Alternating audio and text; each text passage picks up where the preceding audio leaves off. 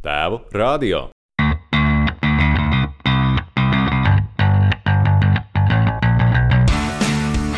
Šajā sarunā par kolēģiem, draugībām un tēviem darba vidē. Sveiks! Tu klausies tēva radio, kurā runājam par vīriešiem svarīgiem jautājumiem. Mani sauc Gatis Midrovskis, esmu tēva grupu vadītājs un divu ar pus gadus vecs meitas tētis. Un ar tēva radio palīdzību cenšos saprast, kā lai mūsdienu tēvs izaudzina labu cilvēku un to darot, nesajūg prātā, nosargā laulību un uztur arī labu veselību. Sadarbībā ar Zviedru institūtu, Zviedrijas vēstniecību un organizāciju Make Equal turpinām viņu iesākto sarunu ciklu Global Gaitāku, kurā aicinām vīriešiem atklāt runāt par tēmām, kas ikdienā netiek apspriestas mūsu starpā. Un šodien uh, sarunāšos ar Edgars Petersonu par tēmu draugi un kolēģi. Edgars ir divu bērnu tēvs un precēts vīrs. Uh, no ģimenes brīvajā laikā uh, Edgars citu cilvēku biznesa problēmas risina ar radošiem mārketinga risinājumiem. Jepšu viņš ir partneris un stratēģis reklāma aģentūrā Weekend un mārketinga konsultācija aģentūrā Pattern. Ar Džeku, kurš sestdien rītos lasa žurnālu, ir tā saukto anekdošu slēju, runāsim par draugiem un kolēģiem. Sveiks, Edgars! Čau! Uh, saki, uh, es par uh, Patternu teiksim, ļoti daudz neesmu personīgi uh, dzirdējis, taču par weekendu aģentūru ir dzirdēts ļoti daudz labas atsauksmes, gan izaugsmas ziņā, gan arī kvalitatīvā satura veidošanā no, no, no uh, industrijas teiksim, speciālistiem. Uh, sāksim varbūt ar šo pusi. Kas, tavuprāt, ir šī jūsu panākuma sakne? Nu, uh, man šķiet, ka, ja mēs paskatāmies uz tādu reklāmas aģentūru biznesu, klientu loku. Mēs paskatāmies arī uz to darba specifiku un nodevumiem. Tad būtībā jau tas gala produkts, vienalga vai tas ir kvalitīvāks vai mazāk kvalitatīvs, ir ļoti līdzīgs.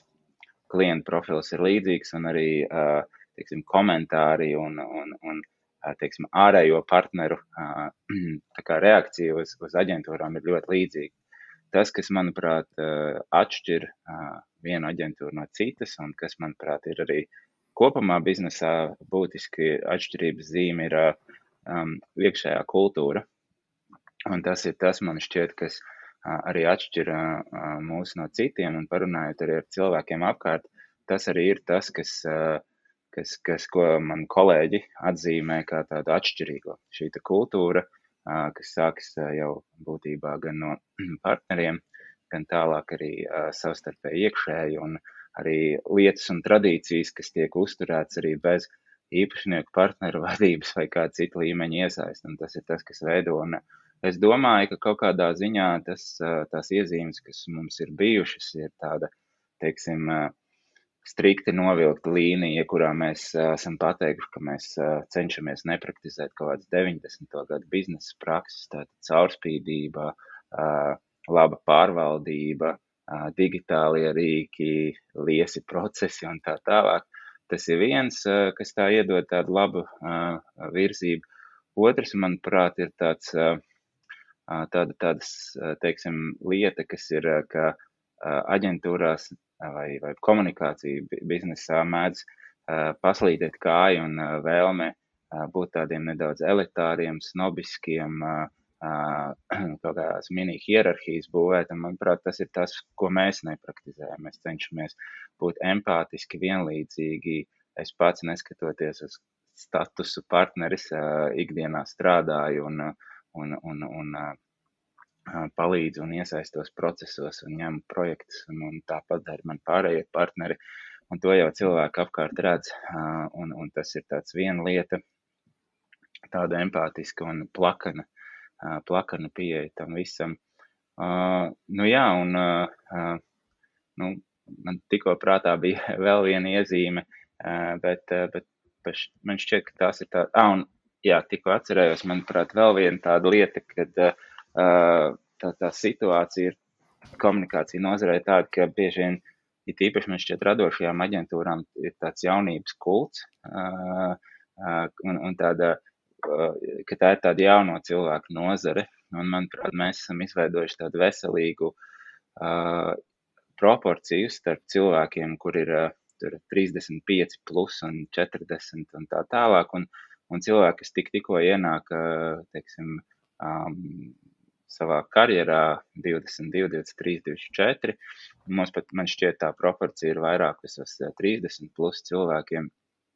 Un tas, teiksim tā, jā, runa par jaunajām tehnoloģijām un tendencēm ir būtiska, bet arī tā kaut kādas nemainīgās vērtības un iezīmes un principi un zināšanas un pieredzes bagāža ir, ir ļoti, ļoti svarīga. Un, un, un tad tas, man liekas, labi saspēlēs. Plus arī man šķiet, tas, kas runājot par vārdu tēvs, ja man mūsu aģentūrā ir ļoti liels īpatsvars cilvēkiem, kuriem ir bērni. Un mums visiem partneriem nu jau ir arī bērni, viens, divi un vienam pat trīs. Un, un, un arī kolēģiem apkārt ir bērni dažādi, dažādos skaitos. Un, manuprāt, tas arī iedod tādu mm, labu vidi, jo cilvēki ar bērniem un ģimenēm tur ir cits atbildības un cits empātijas līmenis. Un tur arī, teiksim, manuprāt, tāda viena lieta, ko mēs jau sākotnēji no, no, centāmies arī novilkt, lai veidot veselīgu vidi, ir, ka mēs gribam, lai uh, 6.30 vēlākais office ir tukšs. Nu, tajā laikā, kad oficiāls vēl varēja uzturēties, un lai viņš ir tukšs no darba. Protams, ja kāds grib tur pasakāt, un mēs visi zinām, ka aģentūrās mēdz būt, ka tur aizķerās kāds dzēriens vai, vai pasēdēšana vai vēl kaut kas, un, un tā, tas, tas, tas ir ok, bet attiecīgi, ja kāds ilgtermiņā sēž pēc 6.30, tad nu, mēs skatāmies, uh, kas ir, kas ir tas iemesls, vai, vai ir nepieciešama papildus spēka vai apmācības vai vēl kaut kas. Un, manuprāt, to visu palīdz arī ļoti labi ievērot šis te ģimenes un vecāku īpatsvaras birojā, jo ir, ir ārējais spiediens un arī mūsu pašu iekšējā izpratne par to, ka jābūt cieņai pret cilvēku brīvo laiku un pret ģimenes laiku Un, un, un, un, manuprāt, tā ir tāda apusēja laba saite un mehānisms gan no mums, kā uh, biznesa īpašniekiem un uzņēmumu vadītājiem un darbiniekiem, ja, kuri, kuriem ir šī prasība un vajadzība, un arī mēs no savas puses jau uzliekot to kā biznesa principu nodrošinam, bet arī paši kā vecāki arī to apzināmies un, un, un, un respektējam un nodrošinam.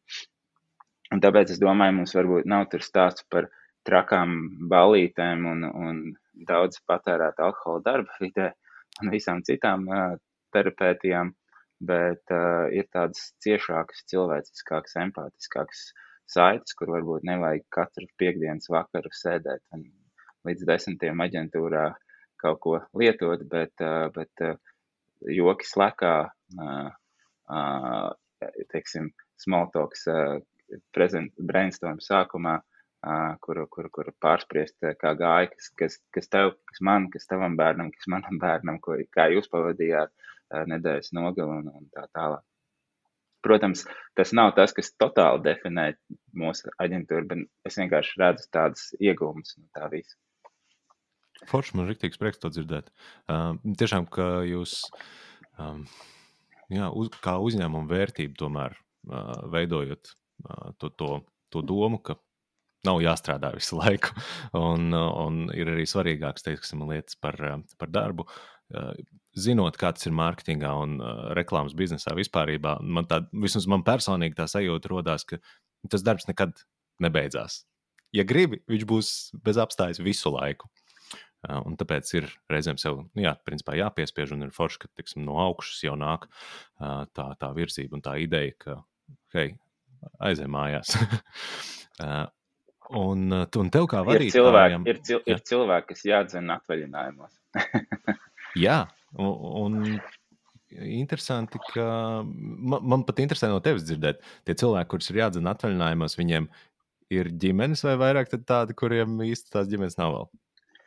Nu, gan, gan īstenībā. Tas es domāju, ka uh, runa par uh, atvaļinājumiem tur nav tur var būt uh, saistība ar, ar tavu ģimenes stāvokli, bet es domāju, ka, uh, ja cilvēks ir uh, darba holiķis uh, vai, vai, vai teiksim, viņš rod teiksim, izteikti lielu pierā, pierādījumu sev vai vērtību darbā, tad, tad nu, viņš vienkārši, viņš, viņš vienkārši atvaļinājumu noliek uh, sev trešo, ceturto vai piekto prioritāti. Ir uh, darbs, ģimene, uh, iespējams māja dzīvoklis, kas ir jāņemās un jādarbojas, un tas atvaļinājums ir vienkārši tāds, nu, tā kā nice to have, ko, ko, ko tu dari vai nedari, nu, un tad attiecīgi varbūt ir jābūt kādam no malas, kas, kas norāda uz to, ka varbūt tas, ka ir kaut kādi varbūt iz, izdegšanas simptomi vai, vai, teiksim,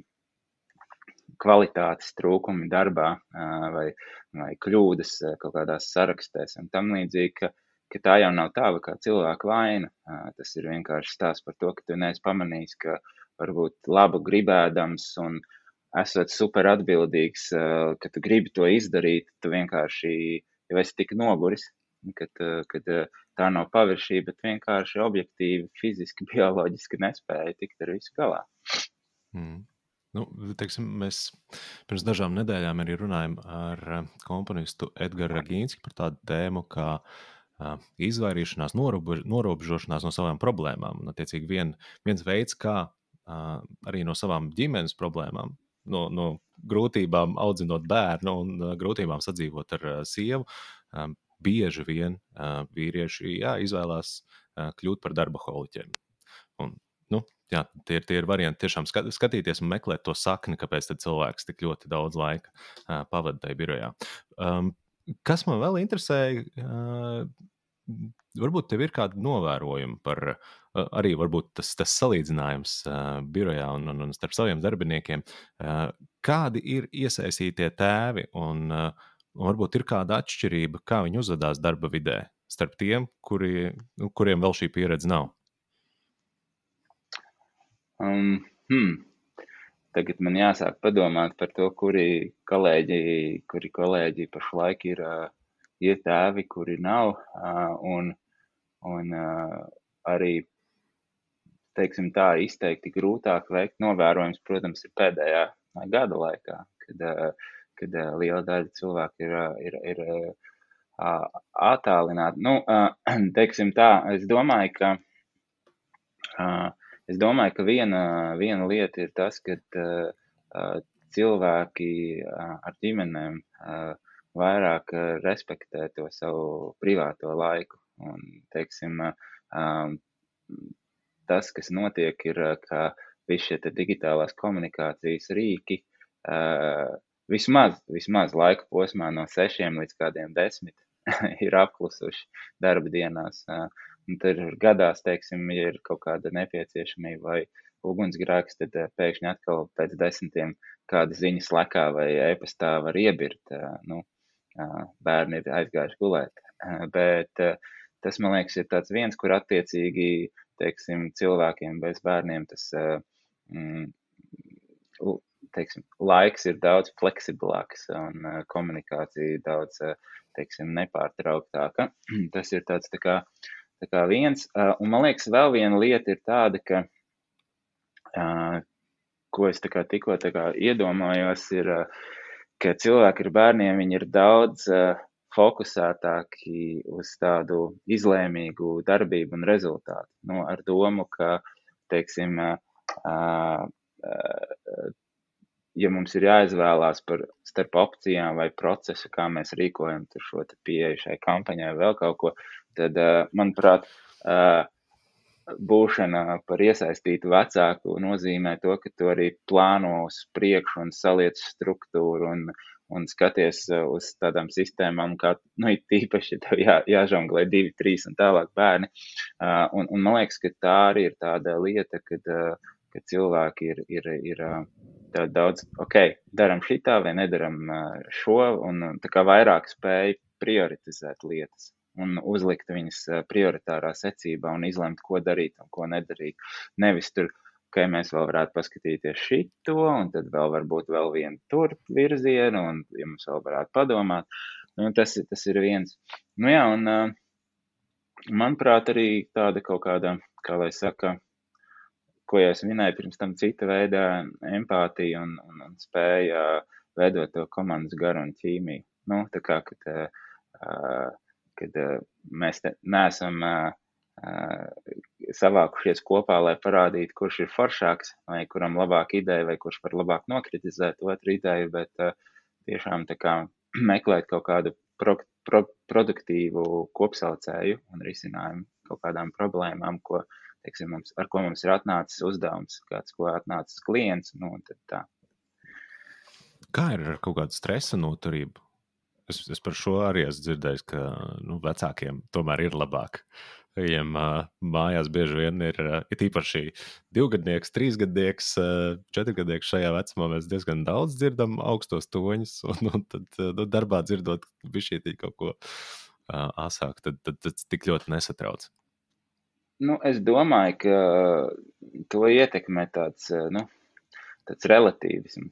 Ja tu esi mājās piedzīvojis uh, rītu, kurā tev ir, ir, ir, ir izsvaidīta LEGO histērija par to, ka es gribēju jogurtu, nevis biesputru, un pēkšņi, nu, ar ko tu vēl vari loģiski kā tikt galā, jo tu saproti, ka var būt gadījums, kad nu, tu redz to biespatru un saproti, ka tu negribi biespatru, bet gribi jogurtu, bet tur pēkšņi vienkārši, kā trīsgadniekiem manā gadījumā gadās, uh, nu, kad vienkārši histērija, kas ir ne no kurienes pēkšņi par kaut ko, ko tu nevari iz, izskaidrot. Un tad ir ieslēdzās tas relativisms, un tad tu aizbrauc uz, uz darbu, tad tev visas tās problēmas un stress un, un, un lietas, kas ir darbā, un viņas relatīvi pret, pret to, teiksim tā, mm, pret to līmeni, emocionalitāti un arī, es teiktu tā, reizēm haotiskumu un, un irracionalitāti liekas neproblēma, jo, nu, tu vari, teiksim, attiecībā uz kādu savdabīgu klienta prasību vai kolēģa rīcību vai tam līdzīgi, tu vari nokļūt līdz kaut kādai racionalizācijai un uzslikt plānu, un tev ir arī komunikācijas rīki un kanāli, kā tu ar to vari tikt galā, vai ne? Um, savukārt, nu, teiksim, ja tam trīsgadniekam uznāk tas uh, niķis, nu, jā, ir uh, rīki un prasmes, kā tu ar to var tikt galā, uh, bet, nu, tas nav tā, ka tu tagad uh, pateiks, klausies, augusts, tagad pies, apsēžamies, un tagad mums būs saruna. es tagad uh, ar racionāliem argumentiem nomierināšu tevi. Nu, tā nebūs. Jā. Tā kā es domāju, ka tā stresa noturība ir. Viņa jau, es domāju, ka tā stresa no, noturības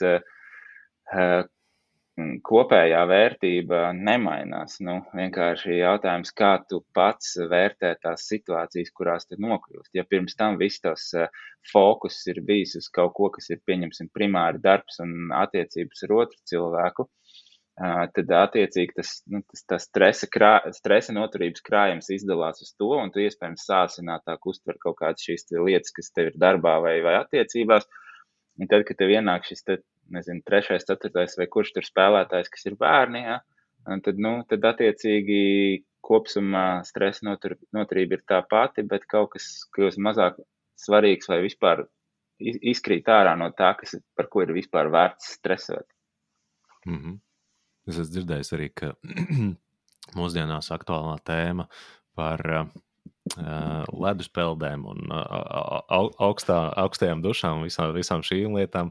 Viņas līdzīgā, līdzīgā veidā tev, tev organismu pieradina pie stresa. Un tajā brīdī, kad tev ir kaut kāds, nezinu, arī aģentūra laikā, tur pitch un nu, ir, ir liel, liels uztraukuma laiks, tad cilvēki tiešām paši nu, normalizējās, un tas viņus tik ļoti nesatrauc. Uh, tas kaut kā bija šī saslēdzās ar to, ko tu stāsti. Um, klausies, Nu, es pats esmu jā, arī strādājis aģentūra vidē, un tu jau minēji, ka jums ir tā, tāds smags līdzsvars starp uh, pieredzējušiem un, un arī jau ģimenes cilvēkiem, starp, un, un arī uh, starp tiem pavisam jauniņiem uh, šajā industrijā. Un, uh, un teiksim tā, ka nu, nu, tajā mēdīju, reklāmas un mārketinga uh, industrijai, tīpaši aģentūrās, ne visi tajās mēdz uzvesties kā pieaugušie. Tā, maigi sakot. Uh, Bet uh, nu, es, es saprotu, ka varbūt ka jums, jūs jau arī ejat uz, uz kaut kādu uh, briedušās aģentūras pusi. Tev nemēdz būt tāda sajūta, ka dažreiz strādā ar bērniem, kuriem vienkārši ir izaugusi bārda. Uh, varbūt tu pats esi nedaudz uh, arī no tās, uh, no tās puses vēl. Nu, uh, zin kā, uh, skaidrs, ka tiksim, tā, maziem bērniem ir uh, lieli ego un uh, mazs empātijas uh, līmenis, un, un vienā brīdī ieslēdzās arī kaut kāds sacensības gars, un, teiksim, mans vecākais dēls trīs gados, tagad viņam visur vajag būt pirmākajam. Viņš ir pirmākais, un ja viņš nav pirmākais, tad, tad ir traki. Un, un es domāju, ka kaut kur, nu, teiksim, tā gan ar to radošo garu un brīvību un to, ka tev visu laiku ir jārisina neordināras situācijas un jādara tas labāk par citiem, neizbēgami rodas šī kaut kāda vai nu sacensības gars, vai neracionāls uzvedības, vai tur pārspīlēta, vai no malas šķiet neobjektīva emocionalitāte. Uh, Uh, bet, manuprāt, tas, ko mēs esam postulējuši, mēs tā ļoti pragmatiski esam mēģinājuši kultivēt to, kas mēs esam un ko mēs nodarbojamies. Nu, mēs esam reklāmas aģentūra, mēs nenodarbojamies ar mākslu. Uh, es to salīdzinu ar to, ka mēs nodarbojamies ar amatniecību, uh, ka dienas beigās, nu, līdzīgi kā kurtniekam, ja tev klients atnāk ar pasūtījumu un viņam vajag galašas, ar ko izbrist dubļus, tad tev jātaisa funkcionāls, iespējams ne pats glītākais, bet funkcionāls produkts, kas izpilda savu funkciju, un tam pašam klientam kaut kādā brīdī vajag balvas, kurpes, kas iespējams šausmīgi spiež un nav vērts, bet uz tām divām stundām ballē liek visiem noelsties, vai ne? Un tas ir tas, ko, ko, kā mēs tam visam pieejam. Un arī īsnībā jau arī, ja mēs paskatāmies vēsturiski, arī mākslinieki visi renesanses un, un, un tā laika, nu, viņi jau sevi pozicionē un bija kā ametnieki, un, un, un pildīja pasūtījumus un, un gan funkcionāls, gan cits, protams, iepakojot to radošumā mākslā. Līdz ar to es domāju, ka tas bišķiņ tā kā izlaiž to kaut kādu ego ventili ārā, uh, un, un otrs, uh, mēs arī tā kā, uh, mēs, mēs, protams, tas, kas arī ir uh, stāsts, uh, reklāmas nozari tīpaši ir um, reizēm neveselīgi orientējusies uz balvām un festivāliem. Nu, teiksim, cik nav bijis gan Latvijā, gan pasaulē tik nenormāli daudz apbalvotas kampaņas, par ko uh, lielākā daļa sabiedrības nav dzirdējusi un uh, kas uh, ir fantastiski iepakota divu minūšu case studijā un, un Un būtībā ir kampaņa, kas ir taisīta priekš citiem radošiem direktoriem. Bet dienas beigās ne to ir redzējis plašāka auditorija, ne tā ir izpildījis klienta biznesa vajadzību. Un mēs arī kā postulējam, ka mēs primāri strādājam uz klienta vajadzību un klienta mērķi, un uh, mēs uh, absolūti nedegam par festivāliem. Un tad, protams, šeit atkal ir otrs grāvis, kurā tu vari iekrist, jo tie motivācijas mehānismi un, un iespējas eh, nu, ir dažādas. Nu, te, protams, ir visādi monetārie uh, ieguvumi, un mums iekšēji ir arī vēsturiski un ik pa laikam arī online tagad, tā notiek pasākumi. Mēs esam braukuši visi kopā uz ārvalstīm un tā tālāk, kas tad visādi emocionāli šie ieguvumi. Protams, ka tajā brīdī, kad mūsu kolēģi redz, ka citas aģentūras tur bezjēgā un pārspīlēta visnenozīmīgāko nieku sniedz festivālos, cerībā uz masu dabūt balvas, un tās arī dabū. Un viņiem, protams, arī iesāpās sirsniņa, un viņi arī grib izcelties. Un tad ir jāizbalansē, nu, ka mēs tomēr arī tajos festivālos piesakamies. Nu, tāpēc es domāju, tas ir atbildot uz to jautājumu par to, vai mēs strādājam vai nestrādājam ar bērniem iekšēji kolektīvā. Es domāju, tā ir tāda jebkura kolektīva uzdevums mēģināt saprast, kas cilvēkus motivē un liek justies labi no tāda racionālā viedokļa, no pieaugušā pozīcijām. Ja? Bet arī tad jautājums ir, kas veido to iekšējo kultūru un motivāciju arī no tā emocionālā viedokļa un, un no tā arī sociālā viedokļa. Nu, un tad, attiecīgi, viss stāsts par, nu, kas veido uh, cilti vai ne visi šie rituāli un pasākumi, tās lietas. Nu, un tad, attiecīgi, arī kā mēs pozicionējamies uh, pret pārējiem nozarē, un, un tad tur ir jautājums, kā mēs to parādām. Tad ir sociālie tīkli, festivāli un vēl kaut kas. Nu, tad, tad, tā kā žonglē starp visām tām lietām. Un attiecībā uz klientiem, nu, skaidrs, ka, nu, teiksim tā, uh, viens ir tas uzdevums, ko tu saņem, bet otrs ir saprast, uh, kas ir tas cilvēks, kurš to uzdevumu ir rakstījis. Un, uh, Un tas ir tāds kopīgs darbs un saruna, un es domāju, ka mūsu veiksmes stāsts ir arī bijis tas, ka mēs, lai arī jauna aģentūra tikko sešas gadus nosvinējām, mums ir klienti, kuri ir četrus, piecus, arī sešas gadus kopā ar mums, un, un, un tas ir stāsts par attiecībām un par uzticēšanos un par atklātību vienam pret otru, un, un tas, tas, tas arī ir pamatā tam, kāpēc man šķiet mums daļa no, liela daļa no darbiem ir veiksmīga no biznesa viedokļa, un daļa ir veiksmīga arī no tāda stereotipiski radošā viedokļa, ir šī spēja strādāt ar, tiem, ar šiem galvenajiem pamata klientiem, kas ne obligāti vienmēr ir lielākie klienti no apgrozījuma viedokļa, bet strādāt 4, 5, 6 gadus un turpināt un uzticēties vienam un, un tā tālāk un saprast, kas ir ne, ne tikai, jo zini, arī klientu pusē organizācijas un uzņēmums veido cilvēki. Un, tā, uh, esmu strādājis arī pilsētām, tāpēc, teiksim, Šekspīram ir uh, citāts, uh, kas gan ir pilsēta, ja ne cilvēki vai kaut kā tam. Uh, un, un, un, un, uh, un arī par organizācijām ir tieši tas pats. Nu, un, uh, un tāpēc arī, lai tu sadarbotos ar to klientu, to organizāciju, tev ir jāsaprot arī uh, tā cilvēka profils, uh, veids, kā viņam patīk strādāt. Galu galā, kas ir tā viņa motivācija, ne, ko viņš grib panākt, kas ir viņa misija un mērķis tajā pozīcijā un profesijā, kur viņš ir, kāda ir viņam varbūt arī iespējams kaut kāda karjeras lieta un mērķi, un tad mēs kopā uz to varam arī strādāt, vai ne? Nu, forši. Uh, labi, noraklamēju arī savu aģentūru, savus aģentūras darbu. Un droši vien nu, es sevi to savu principu. Zinu, kā es, es, es sešas gadus, uh, principā, nu, um, teiksim tā, tas ir daļa no manas identitātes. Jā, jā, jā, protams, es nevaru nerunāt no par sevi, nerunājot par, jā, par aģentūru. mm. Klausies, mēs nu, šodien mums tā tēma jā, ir par kolēģiem, nu, par draugiem. Varbūt ne, vēlāk arī parunāsim par draugiem. Um, kā tev atšķirās darbā sarunas starp vīriešiem un sievietēm? Nu, jā, mēs, protams, nu, es, es pieļauju, ka arī jūs uh, savā darba vidē baigi nešķirojat, un, un, un, un arī darbinieks neņemat uh, tīri pēc dzimuma. Bet um, nu, kā tev pašam personīgi vienkārši ir Kā, vai tu jūti kaut kādu teiksim, atšķirību, uh, sarunājoties, komunicējot ar, ar sievietēm ar, uh, vai ar vīriešiem? Piemēram, darbinieku starpā. Varbūt nerunājot par klientiem, bet jā, par, par saviem kolēģiem.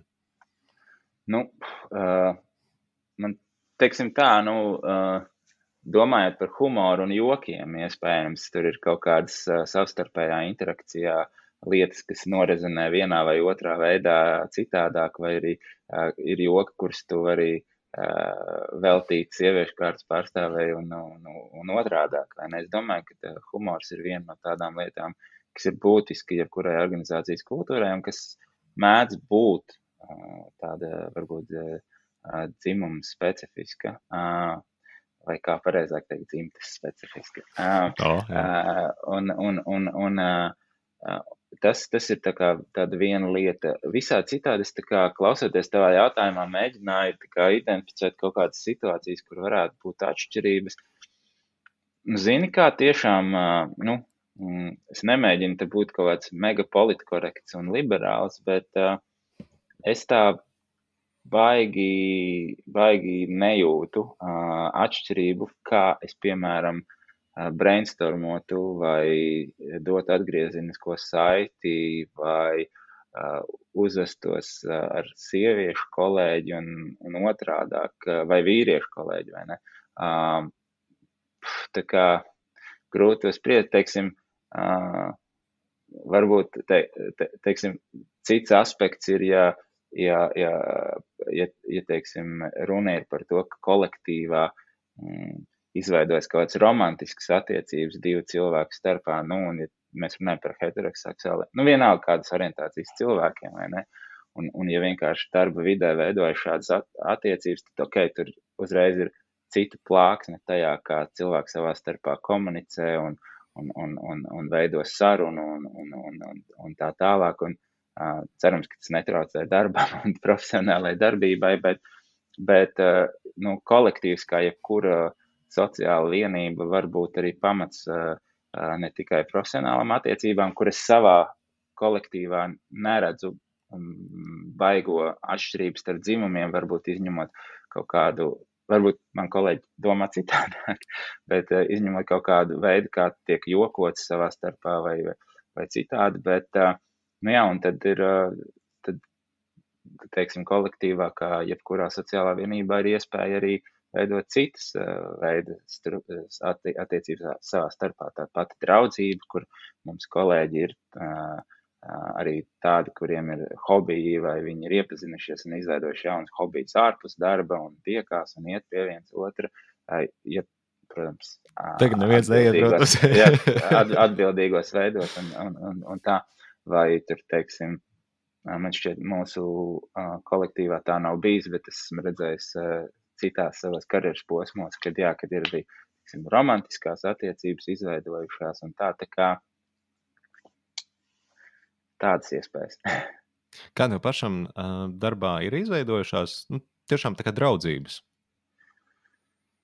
Um, nu tā atklāti sakot, uh, Tev kolēģi to nedzirdēs, pieņemsim, jā. Nē, nē, nu, atklāti sakot, vienkārši mans personības tips un tas, ar ko es daudz, tas, ar ko man vajadzētu vairāk pastrādāt, ir, ir šī te draudzēšanās, jo es esmu vairāk tāds, teiksim, vienpatis. Un, un, un lai gan man ik pa laikam gribās padraudzēties, es neesmu tas, kurš regulāri uztur kontaktus un, un, un tam līdzīgi teiksim tā, ja mēs runājam par labām paziņām, tad jā, man tādas ir izveidojušās, teiksim, profesionālā jomā un kolektīvā noteikti. Nu, attiecībā uz, teiksim, mani un draudzību ar, ar kolēģiem, nu, es, teiksim tā, uzskatītu savus biznesa partnerus par draugiem, kur Viens no viņiem, Mārtiņš, jau man bija zināms pirms tam, un Jānis man vienkārši bija, teiksim, vēl divas, trīs nedēļas pirms uzņēmuma dibināšanas, pilnīgi nezināms personīgi cilvēks. Un, uh, es, es uzskatu, ka ar viņu mēs jau esam tādā ļoti, ļoti draudzīgās attiecībās. Un, un pirms pandēmijas arī tur, teiksim, bija arī ārpus darbā, uh, teiksim, sajiešanās un tā tālāk.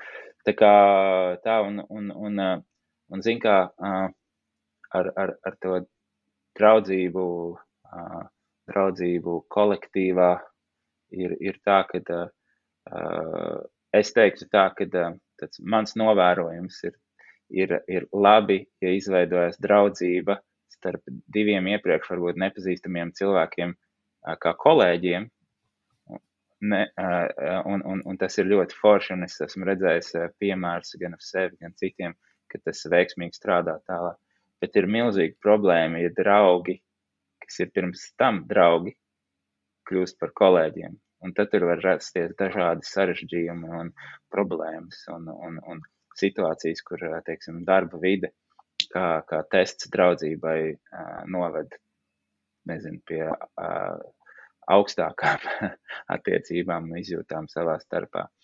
Tā kā, tā kā tā, es nezinu, es atbildēju kā, uz to, ko tu vēlējies. Jā, uzdot, jā, bet, jā. Un īstenībā, jā, arī um, tas, ko tu saki, ka cilvēki, kur ir iepriekš draudzējušies un, un atnākuši strādāt kopā, ka tās attiecības ir līdzīgas tāpat kā uh, strādājot ar sievu. Varbūt es dzirdēju, ka nu, tas ir diezgan bīstami. Jā. Tā ir tāda ļoti trausla taciņa, kur, kur ir jāmāk iet. Um, bet par to draudzēšanos es tev, es tev ļoti labi saprotu, uh, jo arī es esmu tas cilvēks, kuram ir, kurš nemāk droši vien uzturēt aktīvi tās draudzības, lai gan pēc savas būtības esmu atvērts un, un, un, un tiešām jā, pozitīvs, draudzīgs un tā un pieņemošs.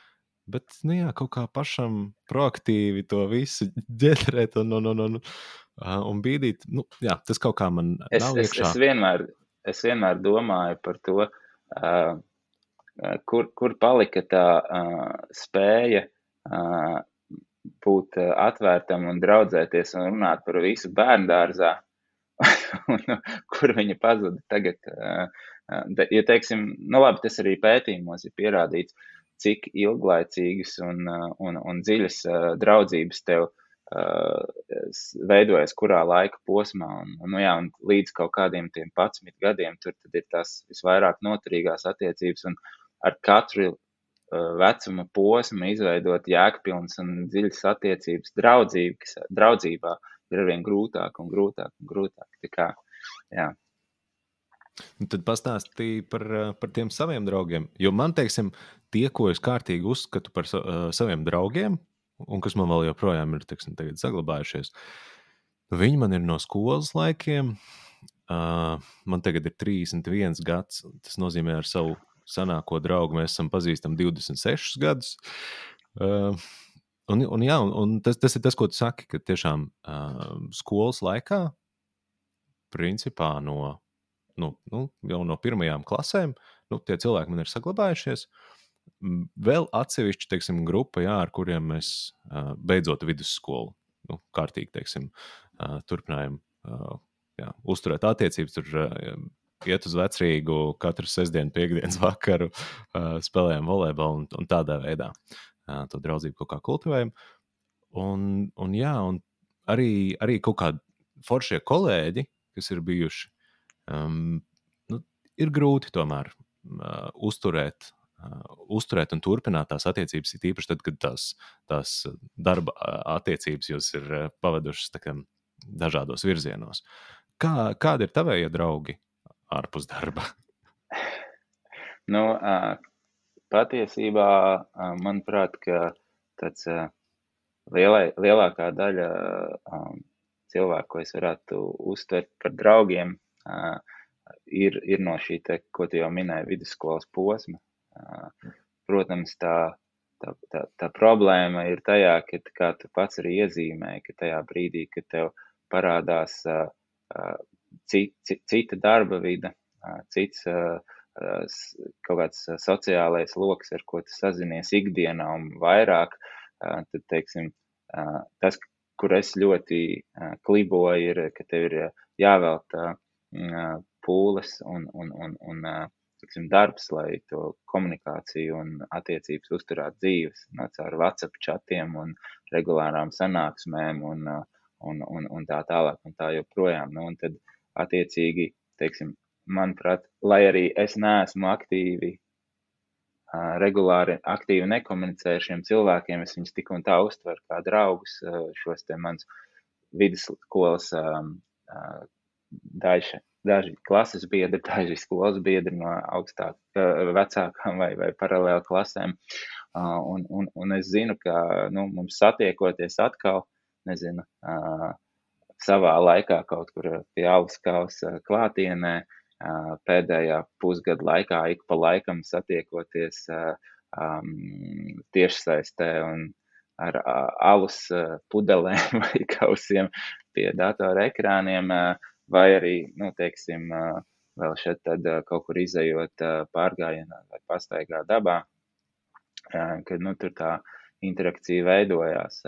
Tā kā es domāju, ka ka jā, kad būtībā, teiksim, vidu, kopš es sāku stud, mācīties vidusskolā, man tas cilvēku un, un, un arī, teiksim, dzīves vietas vide ir totāli nomainījās gan, gan fiziski, gan arī mentāli. Un tad būtībā arī teiksim, tāds manis formējošais periods vecumā, tur nezinu, 14 līdz 18, tad ir noticis, un arī tas uh, pamata draugu lokus ir izveidojies, kurš arī turpina saglabāties. Nu, tā problēma ir tālāk, nu, tieši tā, visi tie izaicinājumi, kā tās, kā tās uh, attiecības turpināt uzturēt, un tas, kas nepalīdz, protams, ir tā mana vienpaša, uh, vienpaša personība, kur no malas iespējams man pieprasa, un, un, un, un tas, kas man profesionālā ziņā padodas būt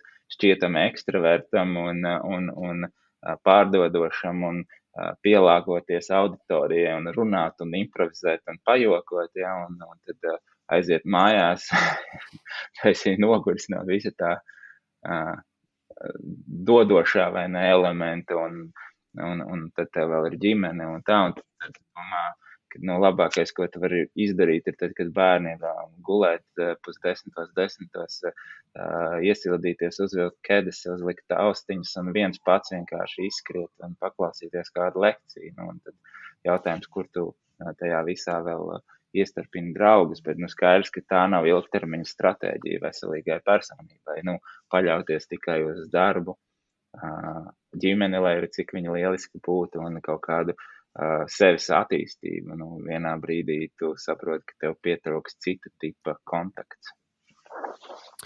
Zini, kas man uh, tā interesanti likās un uh, pamanīja. Uh, tur arī saka, ka jā, ar draugiem uh, iepriekš gājāt kaut kur, nezinu, kādā krogā pasēdēt, uh, alus kausu pacelāt, tagad uh, tieši saistē uh, pie al, al, al, al šitās um, pudeles. Un, un šis mani pišķītiņi satrauc, ka mums džekiem, jo man ir tieši tas pats, man ir tieši tā pati situācija, ka mēs bez, bez aliņa, bez viskija vai rumkolas, mēs īsti tā kā, nu, vai nemē, kā nespējam uzturēties viens otru sabiedrībā, vai vismaz nemākam runāt viens ar otru.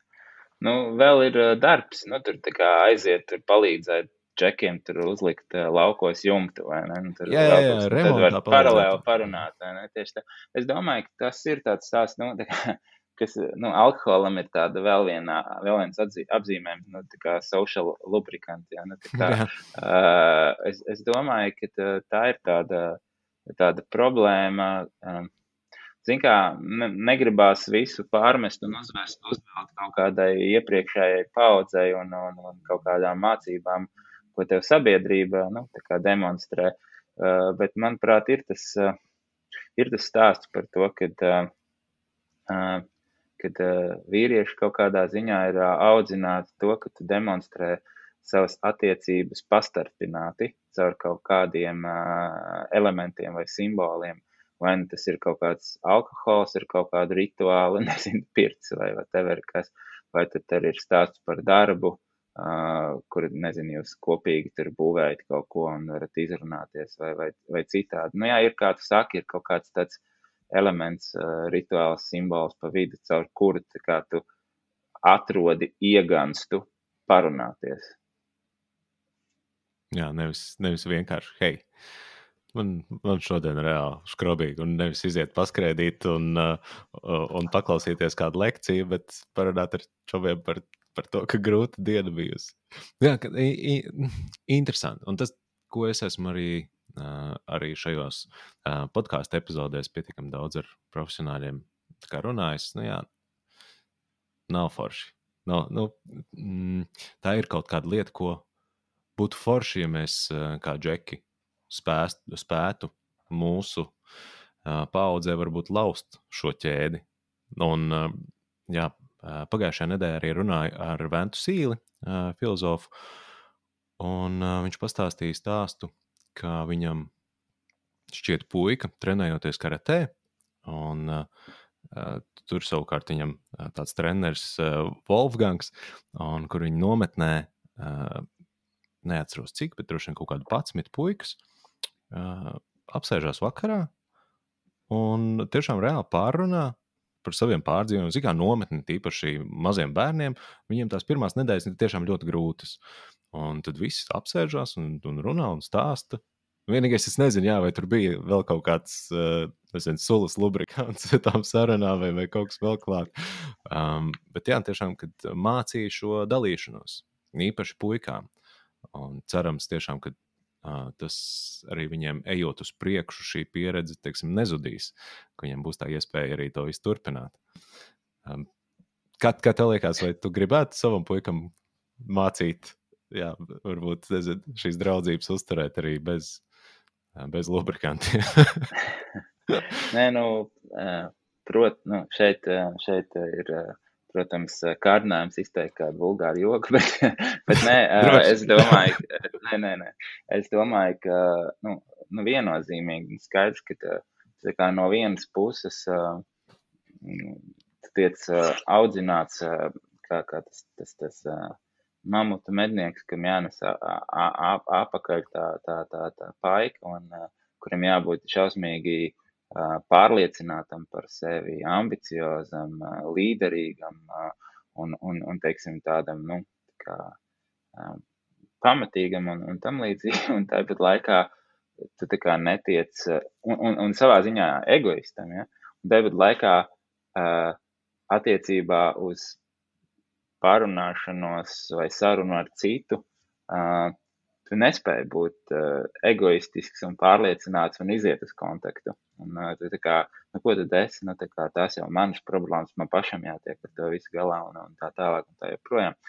Nu, un tāpēc es domāju, ka jā, nu, tā kā spēja runāt par sev aktuālām lietām, lietām, kas tev uh, nomāca vai, vai emocijām, vienalga pozitīvām vai, vai, vai vai negatīvām, mm, ar kurām daloties, tu tiec ar sevi galā, protams, ir, ir, ir svarīga prasme, ko mācīt. Un, un, un primāri jau tas ir stāsts par to, ka es mēģinu pozicionēties pret, jāizmanto žargons no industrijas, pret savu dēlu, ka, nu, viņš var ar mani runāties, viņš var nākt, es viņam jautāju, kā viņam iet un tā tālāk. Protams, tas, ko es tā kā apzinos, ka uh, draugs ir draugs un tēvs ir tēvs. Nu, es viņam vienmēr būšu tēvs, uh, un es varu būt draudzīgs tēvs, bet es viņam nebūšu draugs. Nu, uh, kas ir labi? Kas ir labi? Viņš uh, man uzticās un uzticēsies citā līmenī. Uh, viņš uh, dalīsies varbūt ar mani savās emocijās citādā veidā, bet šo sevi kā cilvēku, kurš ir ieinteresēts un atvērts pret jebko, attiecībās to, kas viņam ir, ko man teikt, nu, to es cenšos vienmēr mēģināt kā, sev atgādināt un mēģināt viņam arī signalizēt. Un arī jaunākiem pusotrgadniekam signalizēt, protams, atbilstoši katra spējām procesēt dažādas signālus. Tā kā, tā kā jā, nu, es domāju, nu, tas jau vienmēr ir stāsts par to, kādu piemēru tu pats rādi, vai ne? Un, un, un, un, un es domāju, ka man ir bijuši dažādi piemēri, kā šķietami nevajag darīt. Šie paši piemēri man automātiski liek uzvesties līdzīgi, kas nav pašas labākās prakses un lietas. Nu, tur runā par savu bērnību. Ja? Jā, par savu bērnību. Un es esmu piefiksējis kaut kādus šos brīžus, bet tad ir tas, teiksim, racionālā pieaugušā cilvēka faktors.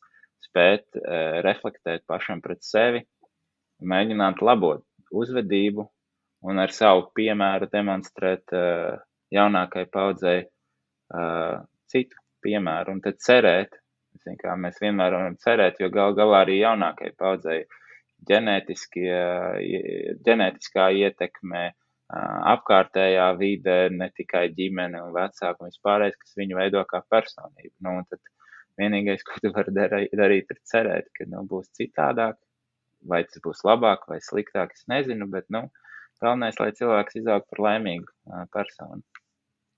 Tas, ko tu arī stāstīji, ka tu mēģini jā, tagad nu, vecākajiem rādīt šo piemēru, man liekas, ja tev izdosies no viņa panākt arī to kaut kādu atgrieznisko saiti, un ka viņš tev tiešām uzticās, tad ar jaunāko nebūs nekāda piepūle. Viņš jau redzēs to piemēru. Līdzīgi kā kā mēs redzējām savā ģimenē, ko drīkst un ko nedrīkst, viņš uzreiz savā ģimenē redzēs, ka jā, var iet pie sēncīša un var izrunāties. Un kad netiks nopelts un, un nezinu, kaut kāda raudāšana tur var parunāt un tā. Um, bet, ja mēs par bērniem jau arī runājam, tad uh, kas man uh, simpatizē tavā stāstā arī, ka tu esi izdā, izgājis arī uh, pleca organizēto vecāku izglītības programmu. Šo kursu tās bija, ja nešaubos, desmit nedēļas. Un tavā gadījumā tas bija attēlināti vai klātienē? Attēlināti. Un varbūt var arī, nezinu, dažas kaut kādas uh, spilgtākās uzreiz jau atziņas, vai kas tev jau ir palīdzējis gan ar savu trīsgadnieku, mm. pusotru gadnieku? Nu, uh, man šķiet, ka tas, kas, teiksim, zin kā, daudz interesējoties arī par kaut kādām šīm te rīcības teorijām, ne tikai uz bērniem, uz pieaugušiem, tam līdzīgi daudz, kas, nu, teiksim, man šķita jau tā kā zināms un pazīstams un tam līdzīgi, un, Un arī no otras puses, teiksim, es arī kā ļoti racionāla persona, man bieži vien ir grūti pieņemt uh, visādus, tur, teiksim, meditatīvos vingrinājumus un tam līdzīgi. Tāpēc man bija tādas attiecības ar pleci, kur es uh, šad tad kā, cīnījos noturēt motivāciju un, un, un uzmanību sekot tam visam līdzi. Bet savukārt, teiksim, attiecībā uz, uz, uz manuprāt, Un, un, teiksim, kaut kur jau man likās, eh, balstoties uz manu pašu bērnības pieredzi un, un, un pašanalīzi, skaidrs, kā emocionāli labāk kā, uzvesties un, un rīkoties pret bērnu. Tas, kas man nebija skaidrs un kas man ļoti kā, kaut kādā ziņā palīdzēja vismaz iedot virzienu, ir stāsts par bērnu disciplinēšanu. Jo, manuprāt, tas ir, tas ir tāds būtiska lieta, kur skaidrs, ka tas bērns aug un mums viņiem ir jābūt blakus un jāpalīdz augt un jāievirza viņš kaut kādā šajā virzienā un bieži vien viņš arī, teiksim, vai viņu nespēja tik galā reizēm ar kaut kādām savām emocijām vai izvēlēm vai prioritātēm tam līdzīgi, kā vecāks var viņam palīdzēt. Un, un, un zin kā, un, manuprāt, es nezinu, kā tavā gadījumā, bet uh, manā gadījumā, teiksim, nu, E, un, un šajā gadījumā tā jau nav šo manu vecāku vai, vai manas vecāku vai vecāku paudzes vaina vai problēma. Vienkārši tā ir tā vide, arī mācību metodas un valdošās kaut kādas vērtības, vai ne, kas viņus ir veidojušas. Un, un, un, un, un stāsts par kaut kādu, teiksim, veidu, kā tu disciplinē vai koriģē bērnu uzvedību, uh, 80. gados, kas ir mans gadījums, nu, nav, teiksim, man pieņemams, un tu arī pats uz sevi gan apkārt redzi, ka tie efekti nav ilgtermiņā tādi, kas, kas veido jaukas un produktīvas attiecības, vai ne? Un, un, un, un jā, bet tad paliek nākamais jautājums, a, ko tad? nu, nu, ko tad darīt? Nu, nu, brutāli sakot, nu, tas nav bijis mans domgājiens, bet nu, no sērijas, nu, ja pērt nevar, jā, ko tad? un, un, un, un, un, un, un, un, un tad, jā, nu, tad, tad ir visādi šādi paņēmieni par to, ka, ja, ja nu, kaut vai triviāla situācija, ja bērns pieprasa saldumus uh, uh, vakarā vai pirms pusdienām, tad, tad nezinu, zini, ok, es zinu, ka es varu izmantot kaut kādu atlikto jā, vai ne? Nu, neteikt viņam kategoriski nē, un ka tas ir slikti un vēl kaut ko, bet pateikt, ok, jā, labi, bet mēs to darīsim, nezinu, sestdien, vai ne? Nu, vai, vai, vai, vai kaut kā citādi. Tev tas pašam palīdz, ja? Man, teiksim, ar mainīgām sekmēm, mm -hmm. ar mainīgām sekmēm, bet, bet palīdz kaut vai palīdz nopirkt sev laiku, neuzvilkties nu, ka tev ir kaut vai vismaz pirmā automātiskā reakcija noreaģēt uz kaut kādu kaprīzi vai, vai konfliktu vai emocionalitāti un pašam neuzvilkties.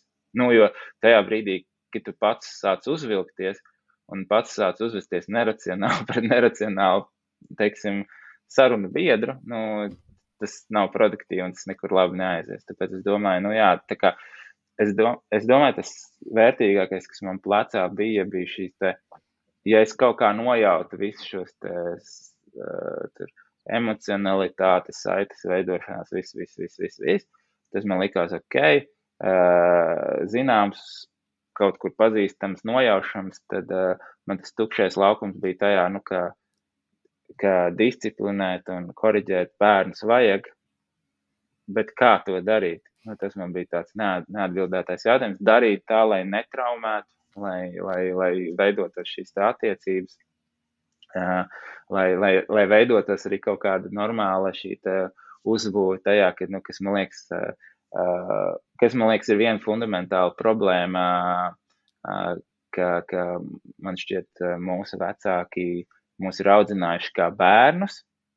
Viņi viņus audzinājuši kā bērnus, tad ir palaiduši garām to brīdi, kad uh, tu esi kļuvis pieaudzis, un tad, tad, tad vienā brīdī viņi sagaida, nu, un, tad, un tad tagad mums, kā, kā tad mēs tagad veidosim attiecības, tad tagad mums vajag citādas attiecības, bet, nu, tur bijis kaut kāds pārāvums pa vidu. Nu, kā, mums, mēs kā tēvi, mums jau arī, man liekas, vēsturiski tomēr ir uh, divas tās svarīgākās um, lomas, kas ir rotaļdraugs un uh, robežu nolicējs. Un, uh, zināmā mērā, man liekas, ka šis ir viens no iemesliem, kāpēc lielākajai daļai tēvu, ar ko es arī runāju, tad šī uh, pozitīvā disciplinēšana ir viens no svarīgākajiem tematiem, vispār par ko mēs runājam uh, kursos un grupās.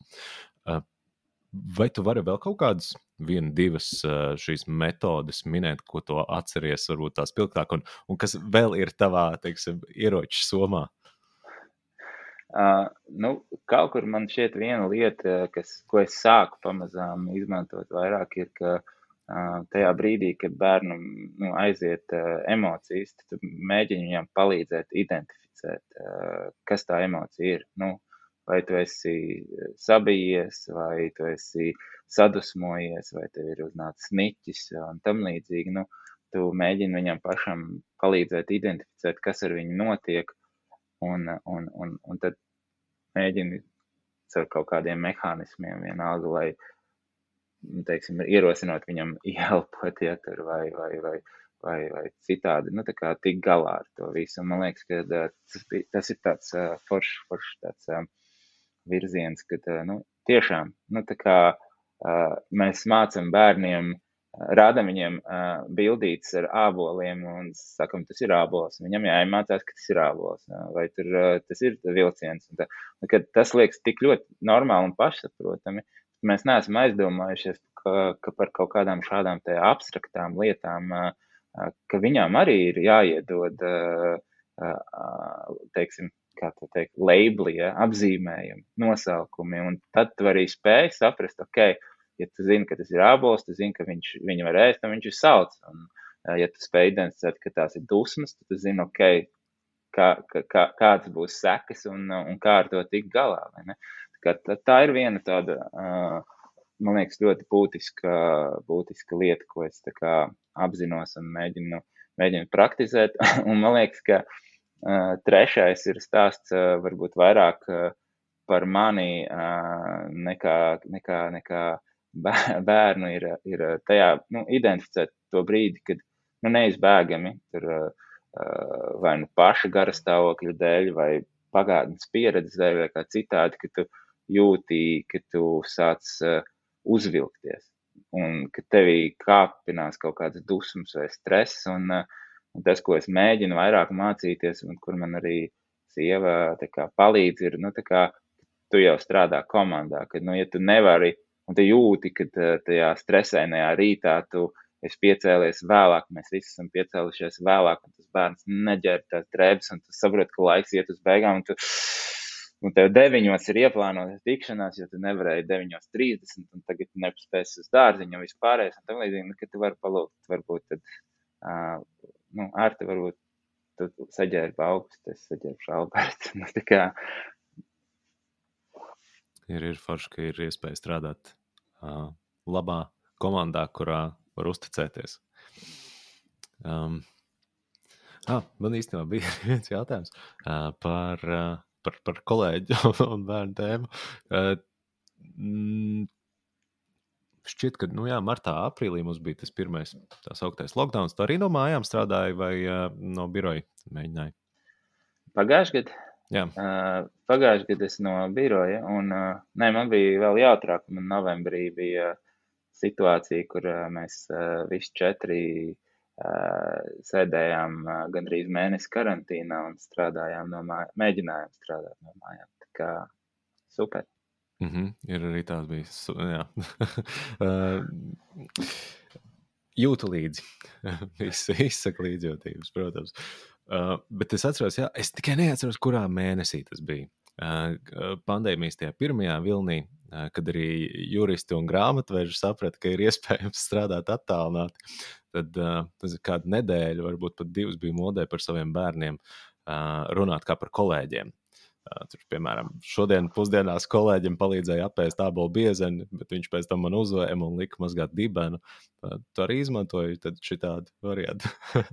Nē, es, es šādu variantu neiz, neizmantoju. Un, un, un, un, un, un tā, es domāju, ka tā ir vienkārši nu, tā dabiska atbildes reakcija uz nezināmu un stresa situāciju. Nu, tā kā tu mēģini tikt ar to galā, izmantojot humoru un, un, un, un, un uh, jokus. Un, man liekas, tas ir forši. Nu, ja tas tev palīdz tā, tā tad, tad, tad, tad, tad dari. Ja.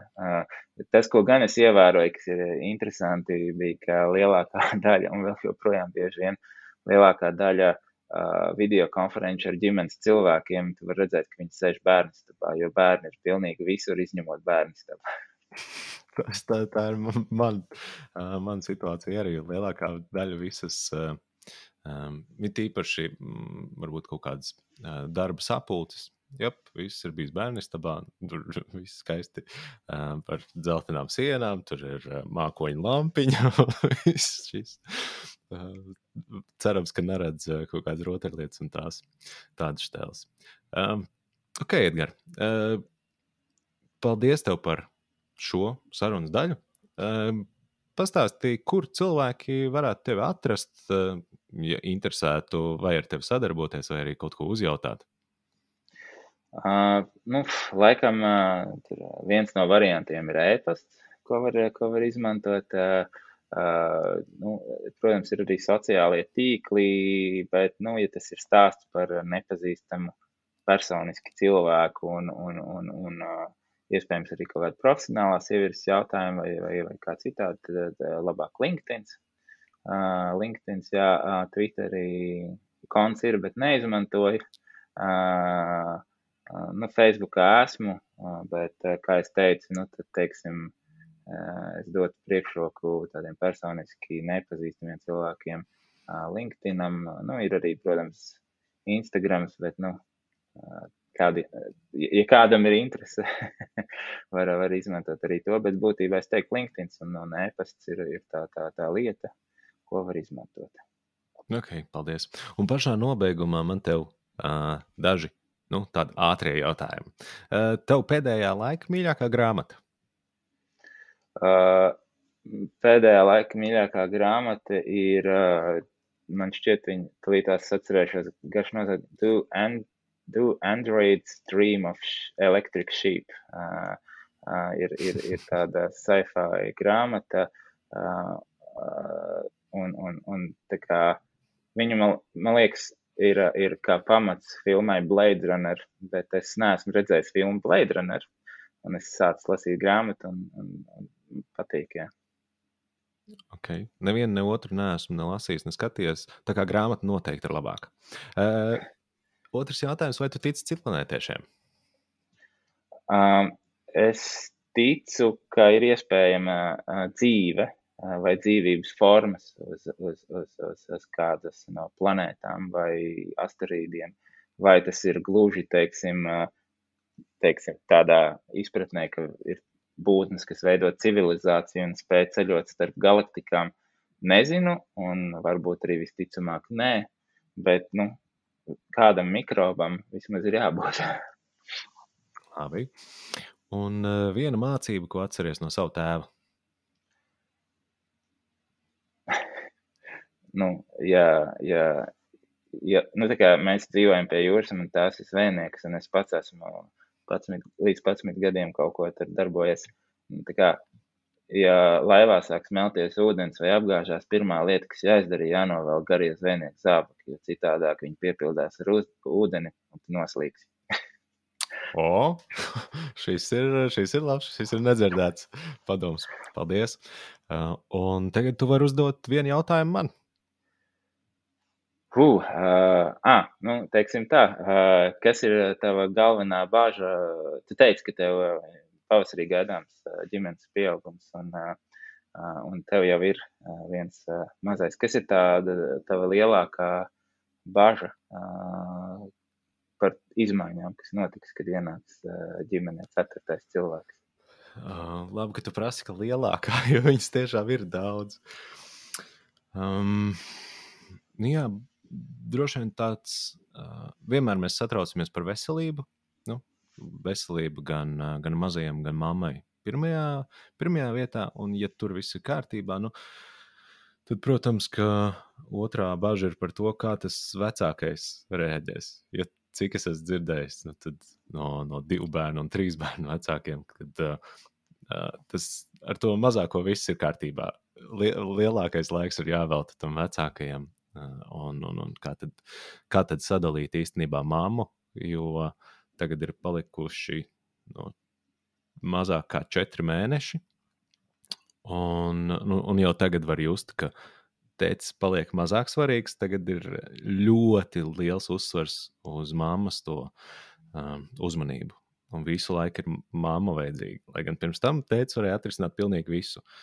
Tagad ir ja mammai jāliek gulēt, mamma man uh, tur palīdzēs, māma man nomazgās un vēl nezinu ko.